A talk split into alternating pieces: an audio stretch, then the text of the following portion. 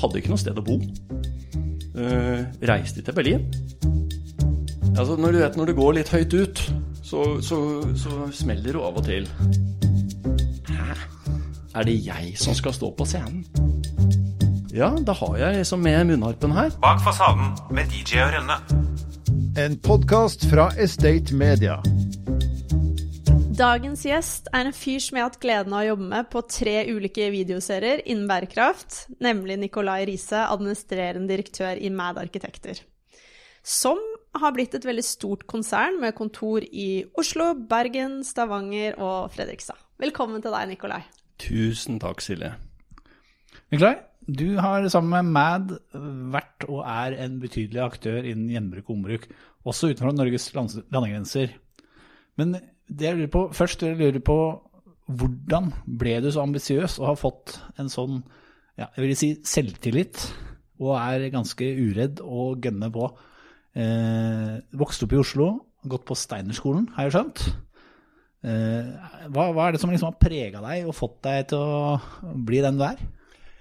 Eh, det er jo sånn at eh, når jeg står opp om morgenen, så føler jeg meg som en eh, at jeg har fått en ny dag med noen fantastiske muligheter.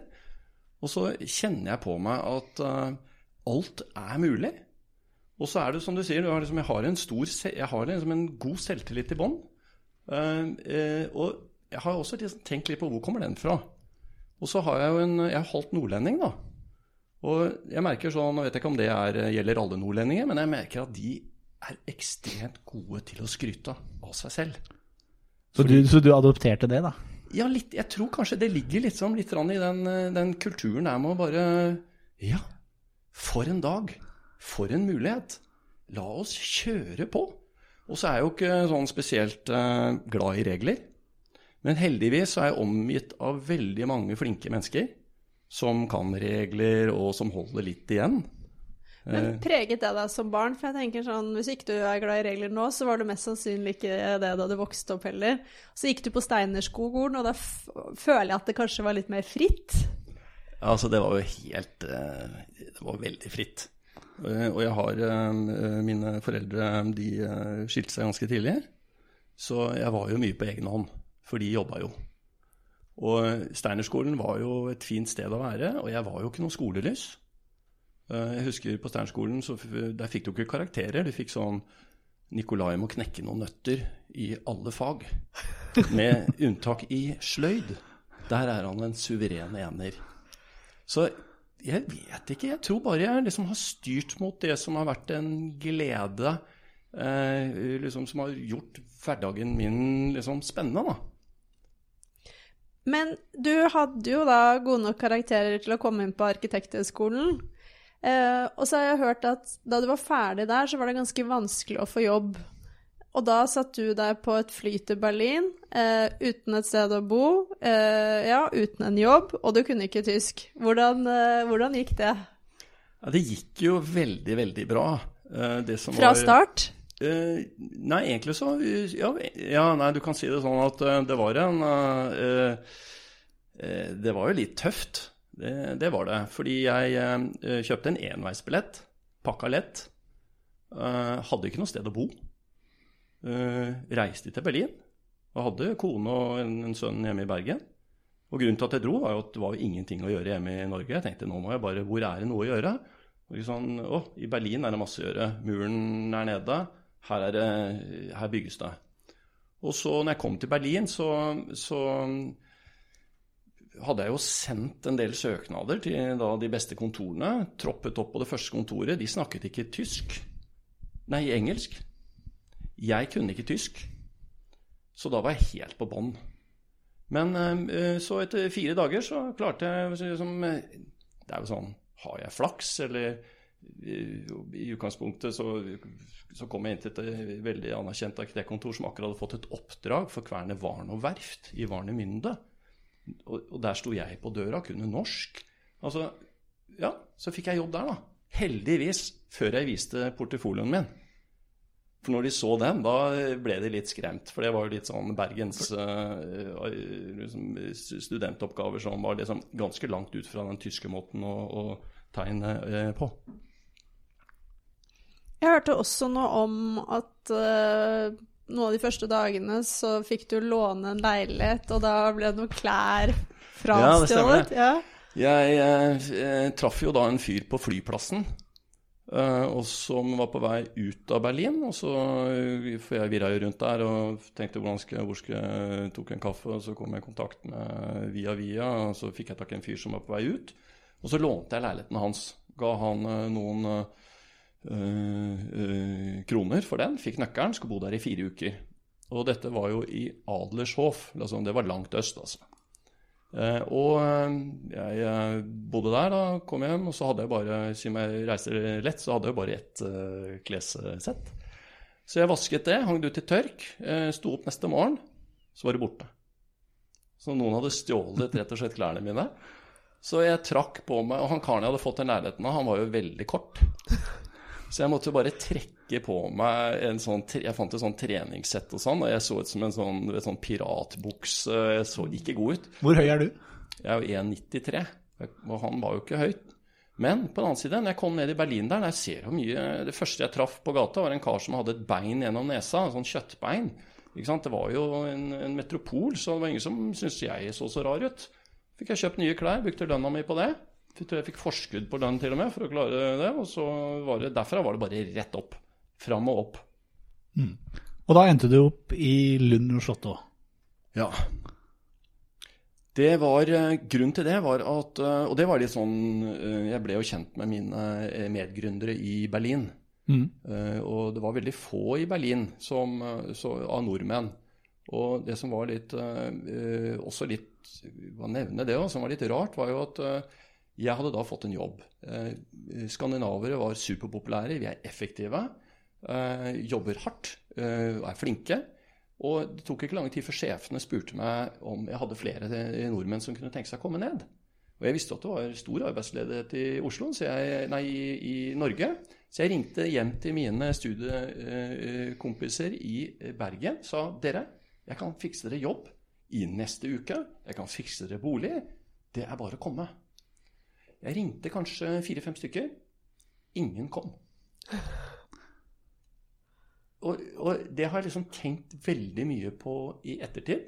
Og faktisk nå, hvor vi nå eh, er i ferd med å satse litt internasjonalt, men den derre mentale sperren ved å tørre Altså, jeg dro jo på egen hånd uten noe fallskjerm. Her tilbød jeg liksom både bukseseler og alt mulig rart. Så det, men det, det som, når jeg da kom hjem til eh, Norge, så søkte jeg fire kontorer. Fikk jobb på alle fire. Valgte Lund og Slotto, for der hadde disse to uh, medgründerne mine eh, eh, der jobbet de. Og vi rykka jo bare rett inn i ledende posisjoner. Mens mine kolleger, de liksom eh, har jo gått den lange, lange veien fra eh, Altså, vi, vi fikk en sånn boost, da. Og det som også var bra med dette Berlin-oppholdet, det var jo at eh, selvtilliten Altså, i Berlin, der bokket jo folk for arkitekten. Altså, når jeg kom inn på liksom det som er her, plan- og byggestaten her, så var det bare sånn Ah, det er arkitekt. Og så bukket alle. Og så satte jeg meg ned, og så lirte jeg av meg noe. Og hvis det var feil det jeg sa, så var det ingen som turte nesten å fortelle at det var feil. Så den selvtilliten som du hadde i utgangspunktet, som var ganske høy, den bare vokste ytterligere flere hakk?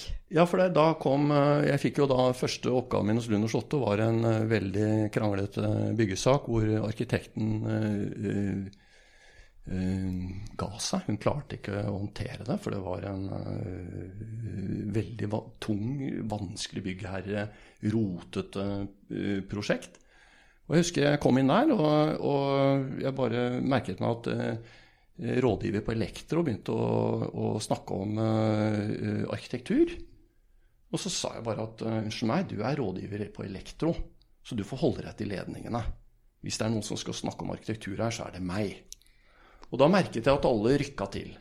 Så det der med eh, liksom vite at uh, du, du må jo eh, Jeg var da vant til at uh, kunnskapen og, og, og, og det har jeg også tatt med meg i alt videre mm, måte, arbeid og, og prosjekter. Altså Du må ha respekt for den kunnskapen folk sitter med. Det er ikke noe vits i å jeg, jeg skal ikke prøve å være en smart entreprenør eller en flink investor. Jeg er arkitekt.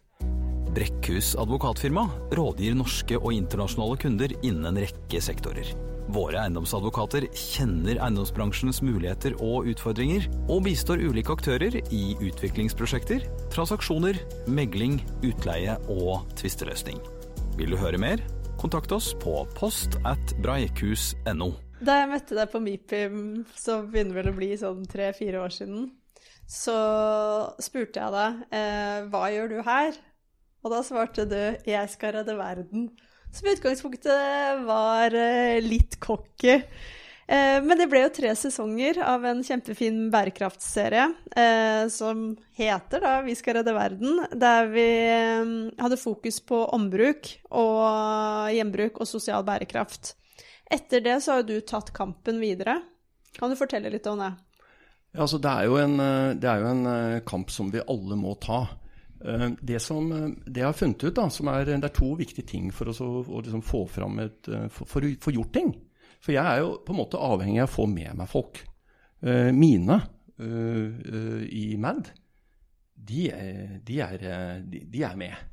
Der har vi en kultur for det. Men det er klart når jeg skal gå til en oppdragsgiver og få en oppdragsgiver til å bygge et nybygg av bygningsavfall, det krever jo litt. Men det jeg har merket, da, er at kombinasjonen av et godt design, et kvalitetsdesign og en god kommunikasjon, altså historie, det er eh, uslåelig. Og så er det jo slik at eh, jeg og vi er opptatt av å bidra til å redde verden eh, gjennom den industrien vi representerer. Og vi vet jo alle at vi er en av verstingene. Og jeg tenker at klarer vi å endre oss, ja, det er håp. Du har jo nylig vært i Berlin, og hva er det som skjer der? Eh, Der skjer det mye spennende, Silje. Vi eh, vant jo konkurransen om å bygge, eller tegne, designe Tysklands høyeste trehus på 98 meter midt i Berlin, i Kreuzberg. Det er da også, blir jo da også Europas høyeste trehus.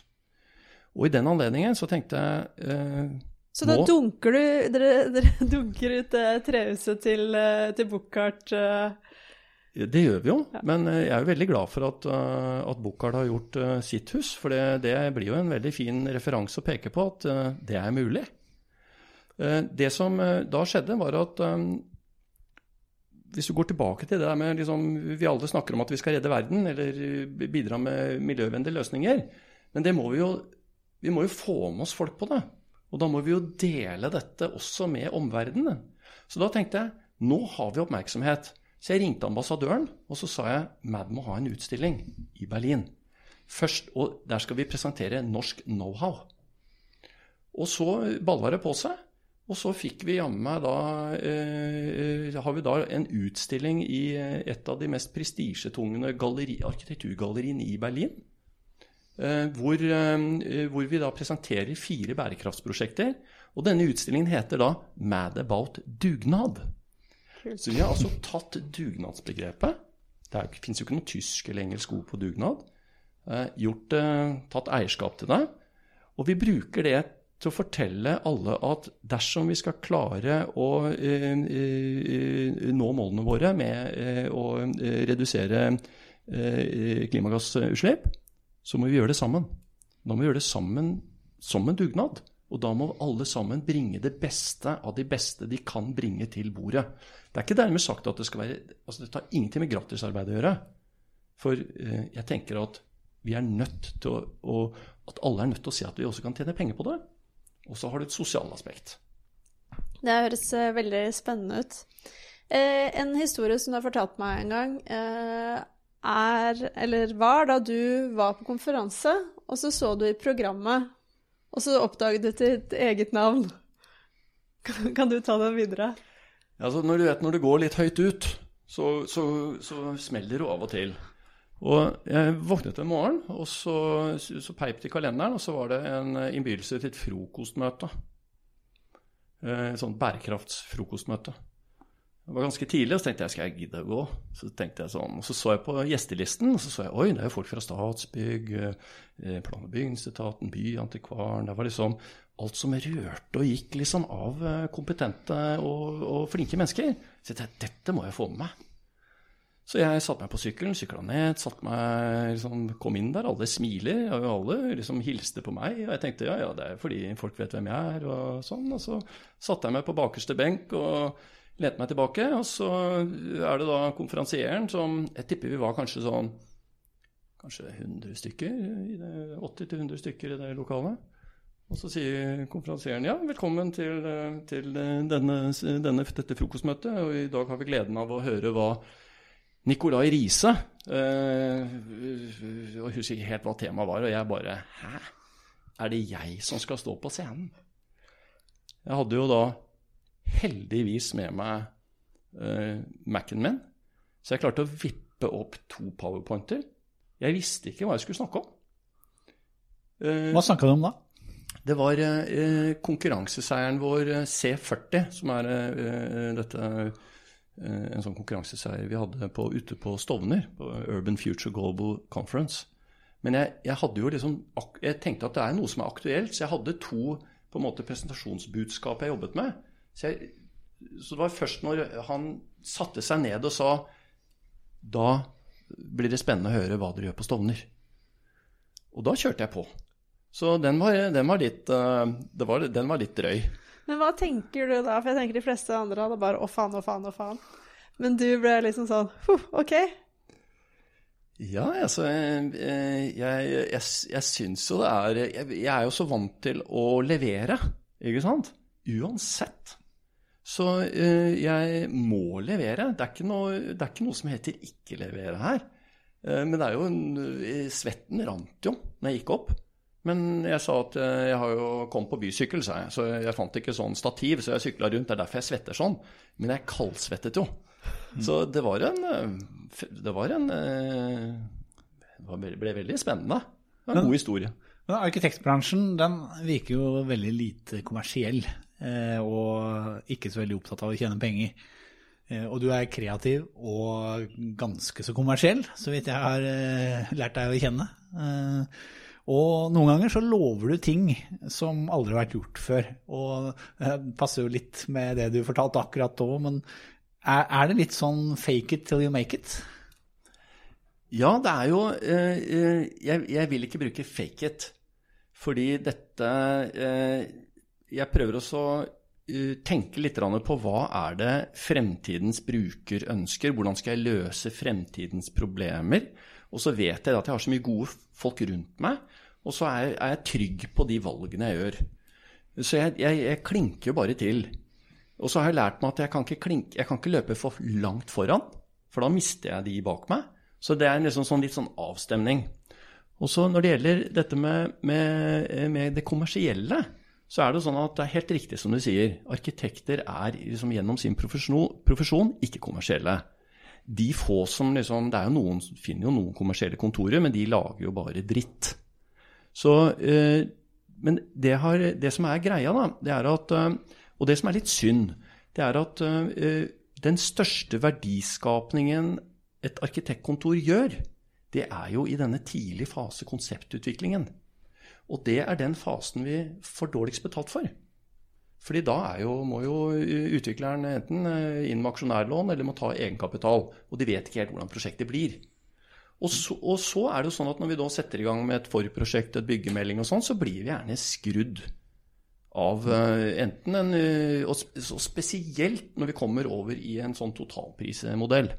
For da truer jo totalentreprenøren med å liksom hente inn sin egen arkitekt, som gjør jobben til en tredjedel av prisen. Så man blir på en måte skrudd litt i begge ender, og så har du kanskje grei lønnsomhet akkurat i midten. Så det jobber jeg faktisk med nå. Ja, for hvordan Det lurer vi på. Hvordan løser du kjipe utviklere? Du, eh, jeg, er fakt jeg har nå bestemt meg for at jeg skal gjøre denne konseptutviklingsfasen, denne tidligfasen, til vår mest lønnsomme. Så det jobber jeg med. Jeg kan ikke fortelle helt hvordan jeg jobber med det, men jeg er allerede på hugget der. Og så handler det om å da uh, igjen også ha litt selvtillit, da. For det er jo ikke uh, Vi er veldig Altså, jeg tenker sånn Vi må være effektive i, i det arbeidet vi gjør. Vi, vår oppgave er jo å sørge for at vi skaper god lønnsomhet hos uh, våre utviklere og gårdeiere.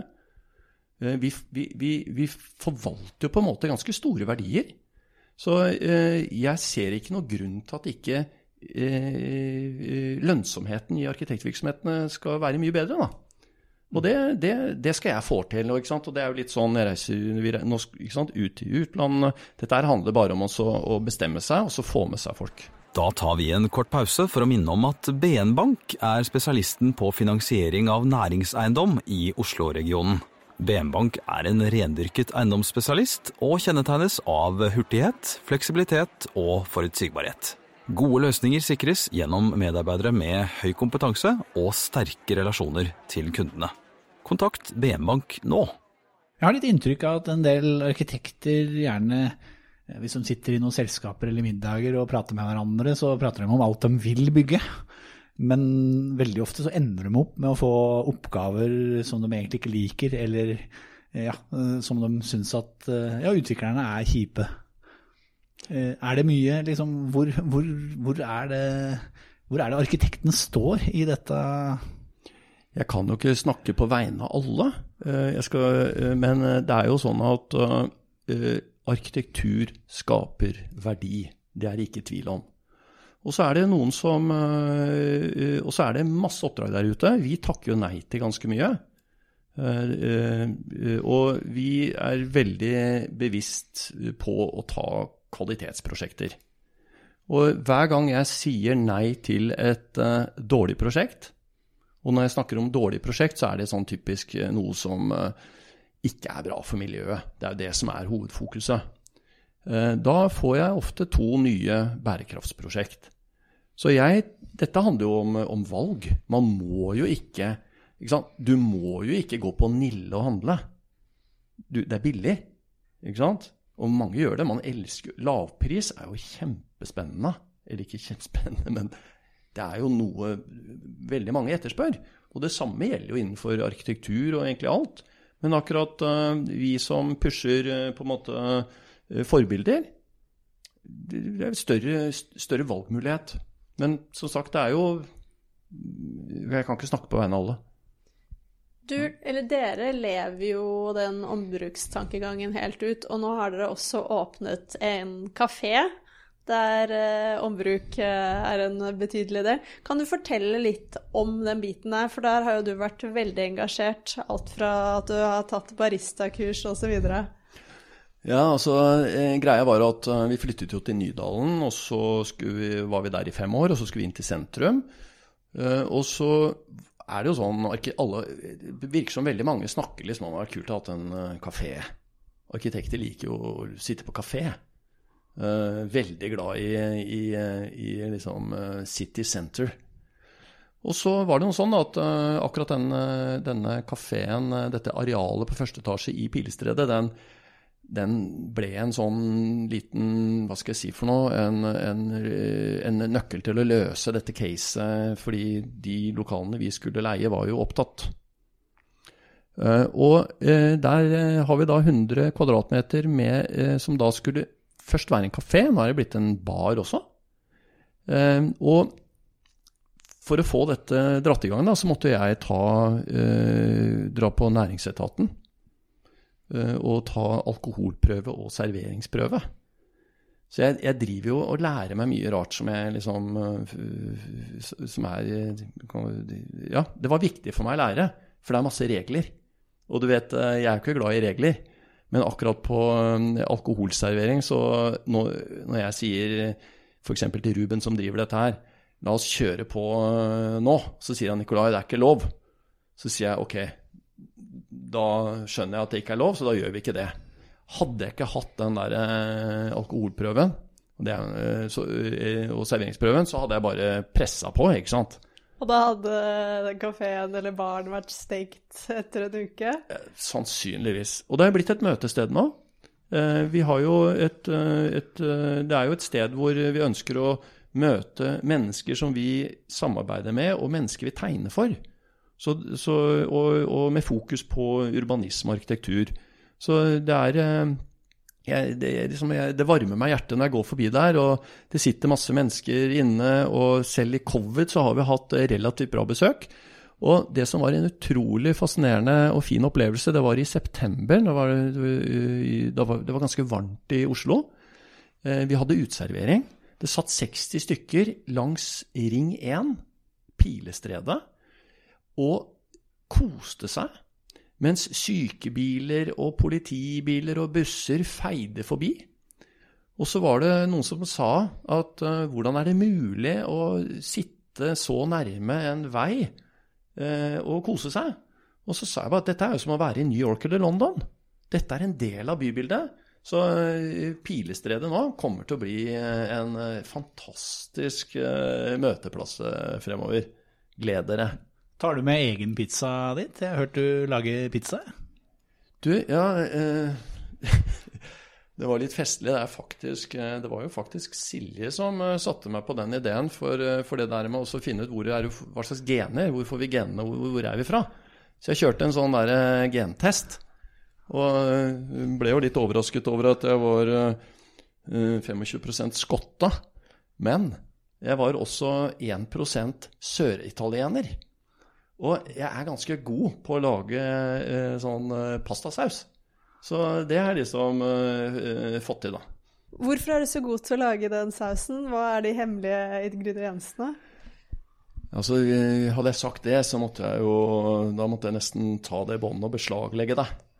For, det, ja, for Vi har faktisk fått spørsmål fra andre i bransjen som gjerne vil ha den oppskriften, så jeg har skjønt Ja, at det er eh, Du, den er, eh, den er eh, Den er ikke så veldig vanskelig. Eh, Det er en boks med mutti tomater. Så er det sånn tomatpuré. Jeg har veldig mye timian, frisk timian nedi. Litt hvitløk. En klunk med olivenolje.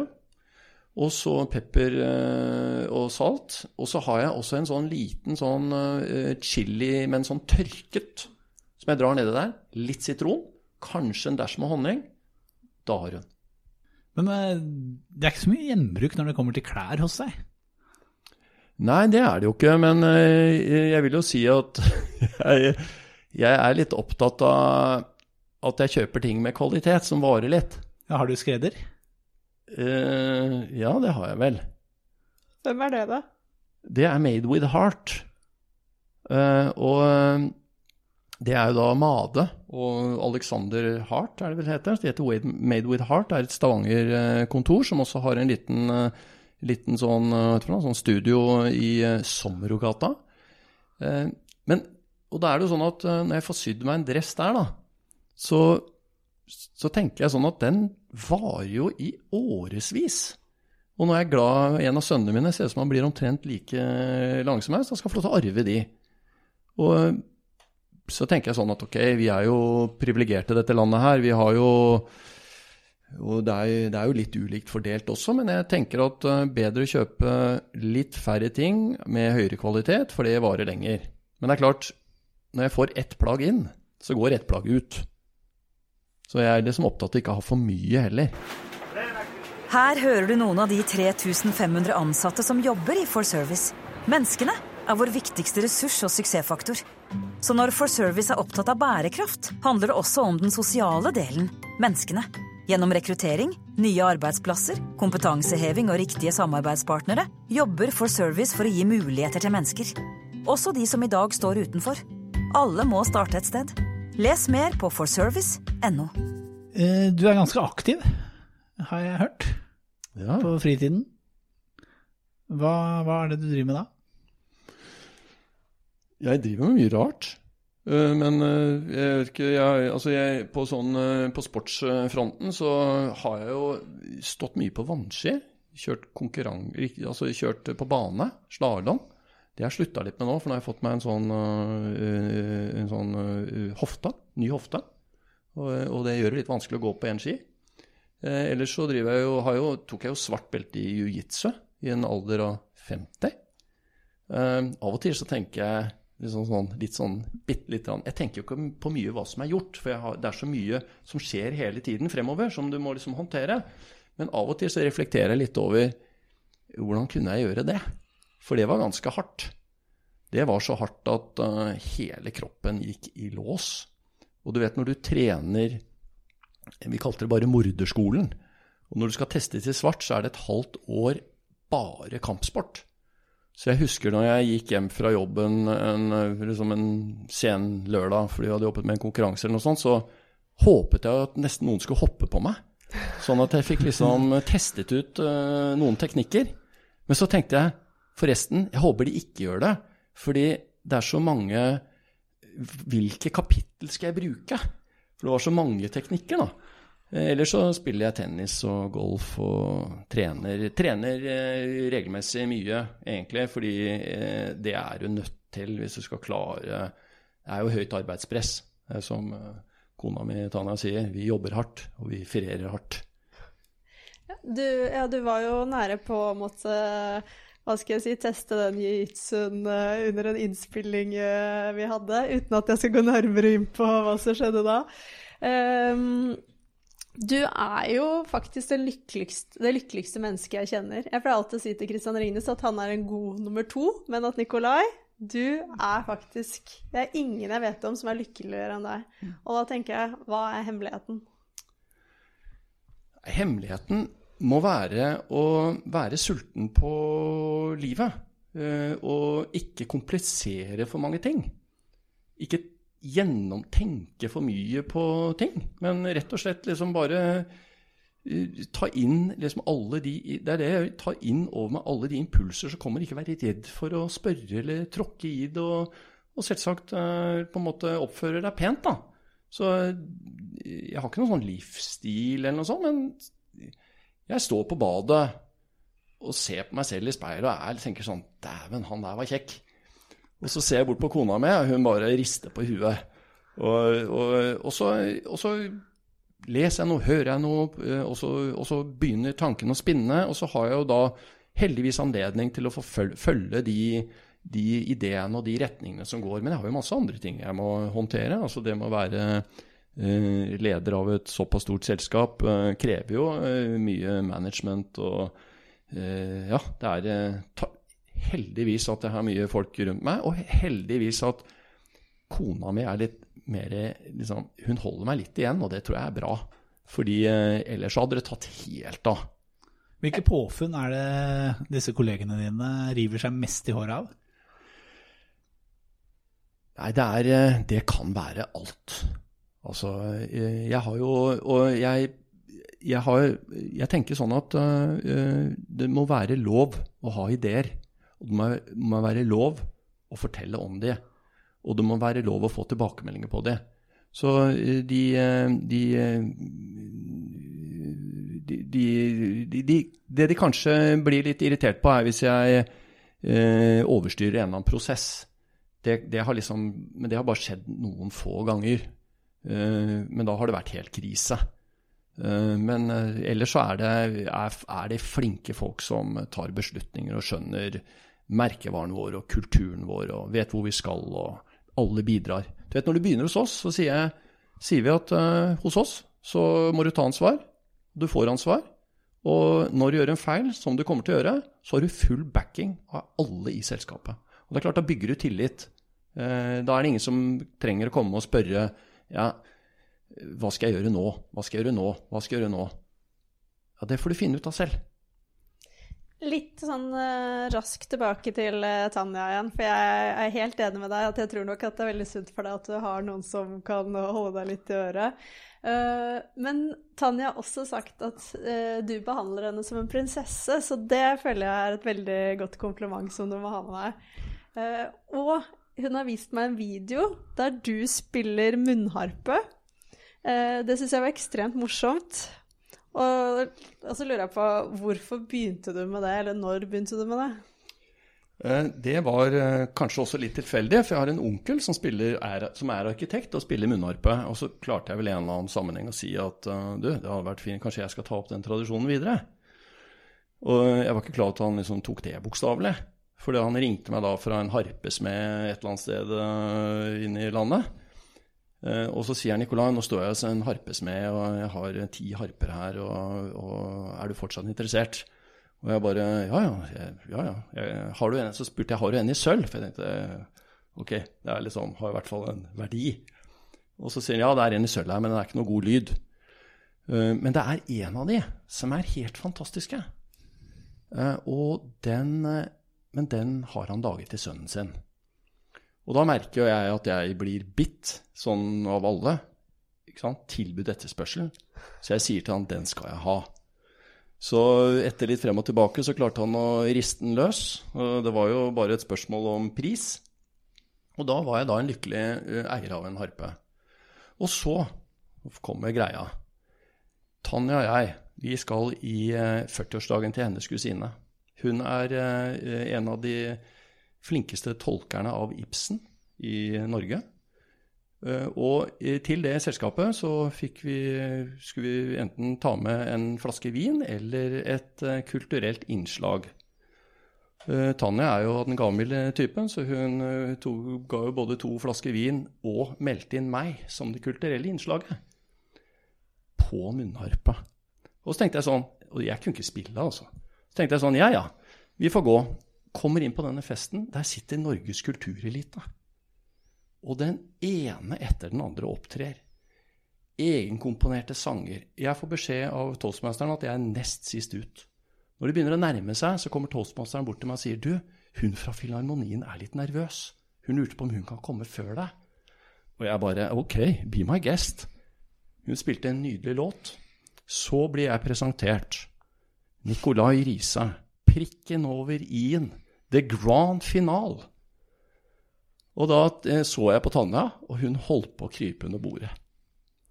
Og så dro jeg fram, og så hadde jeg heldigvis sittet og googlet litt da, hva, hva denne harpen, hvor den kom fra osv. Så, videre. så jeg klarte da å fortelle denne historien om smeden. Jeg fortalte at det var et verdens minste instrument. De visste ikke at det var munnharpe. Så når jeg stakk henda ned i lomma, så begynte de å le. Um, og dro den opp. Forklarte at jeg var musiker, men jeg var ganske fersk. Uh, og at det var to måter å spille på. Det var den russiske og den var den germanske. Og jeg hadde valgt den germanske, og så nynnet jeg låta, sånn at de liksom skulle vite hvilket leie jeg lå i, og dro til. Uh, og det var jo en suksess. Jo, det var episk. Kanskje du kan spille en sang for oss, da? Ja, da har jeg liksom med munnharpen her. Da tror jeg Skal bare finne fram den. Og det er da et uh, dette mister, Nå er vi jo på radio, så dette musikkinstrumentet er jo i en sånn liten fiffig eske av sedertre. Og selve munnharpen er da, den er jo da håndsmidd. Det er vel messing. Og så er det selve fjæra. Så nå skal jeg gi litt lyd her. Så skal jeg prøve meg på en liten låt her nå.